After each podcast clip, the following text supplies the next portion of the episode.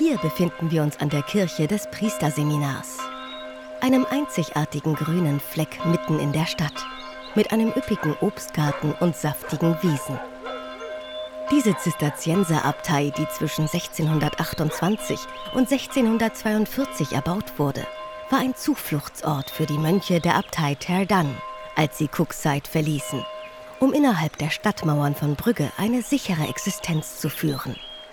Bis 2017 war dies das Priesterseminar des Bistums Brügge. Im November 2017 entschied Lode Erz jedoch, die Priesterausbildung zum 1. September 2018 an das Priesterseminar Johannes dem 13. in Löwen zu verlegen. Das Priesterseminar in Brügge behält seine Bedeutung für alle, die in die Seelsorge berufen werden. Als Praktikumsstätte für Diözesanpriester in der Ausbildung und als Ausbildungsstätte für Diakone und Gemeindeassistenten. Neben dieser Aufgabe ist das Seminar auch eine Ausbildungsstätte für Ehrenamtliche und Interessierte.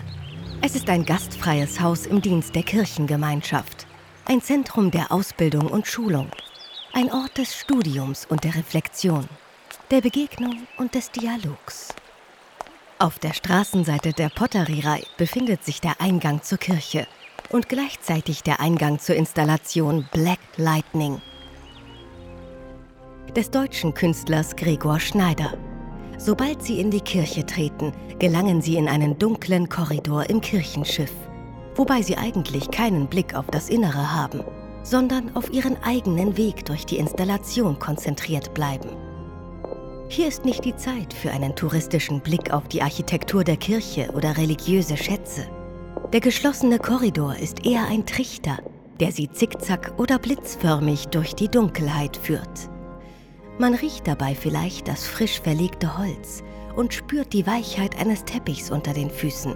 Aber ansonsten ist man seiner eigenen Gegenwart und vielleicht der einiger Besucher in der Nähe überlassen. Von Zeit zu Zeit wähnt man sich vielleicht in einem klaustrophobischen Raum oder wird vom Geruch überwältigt, der düstere Flure durchdringen kann. Und manchmal fragt man sich vielleicht, warum man den ersten Schritt gemacht hat, woher man das Vertrauen genommen hat, sich von dem Kunstwerk leiten zu lassen. Unterwegs ist Zeit für Einsamkeit und Transformation. Sind sie desorientiert oder beklommen von den Mauern, die ihnen immer wieder den Ausweg versperren? Am Schluss gibt es in einem Seitengang eine Tür, durch die man in den Garten gelangt. Gregor Schneider verbindet eine minimalistische Bildsprache mit der Architektur von Gebäuden und den symbolischen Aufladungen einer Stadt. Angst und Fantasie bevölkern seine Räume, Keller, Container und Gänge durch die man sich als Besucher bewegt und manchmal nicht sicher ist, ob man Zuschauer, Teilnehmer oder Eindringling ist.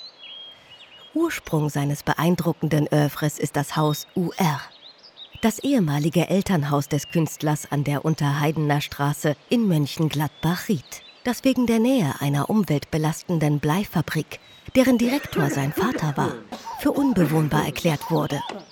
Er beschloss, das Haus umzugestalten, woraus der Wunsch entstand, Elemente zu schaffen, die uns vollständig umgeben und gleichzeitig unsichtbar sein können.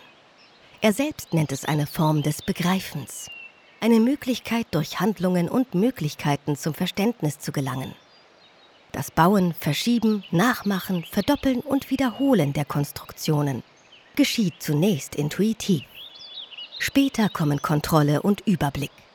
Die beklemmende Atemnot, die viele Menschen während der Corona-Krise ergriff, erfährt mit dieser Installation Black Lightning in der Kirche des Priesterseminars eine besonders sensible räumliche Resonanz. Sobald man ahnungslos seine Installation betritt, verhüllen die Wände, was sich dahinter verbirgt. Man geht an seiner eigenen Körperlichkeit vorbei und die ursprüngliche Umgebung verschwindet.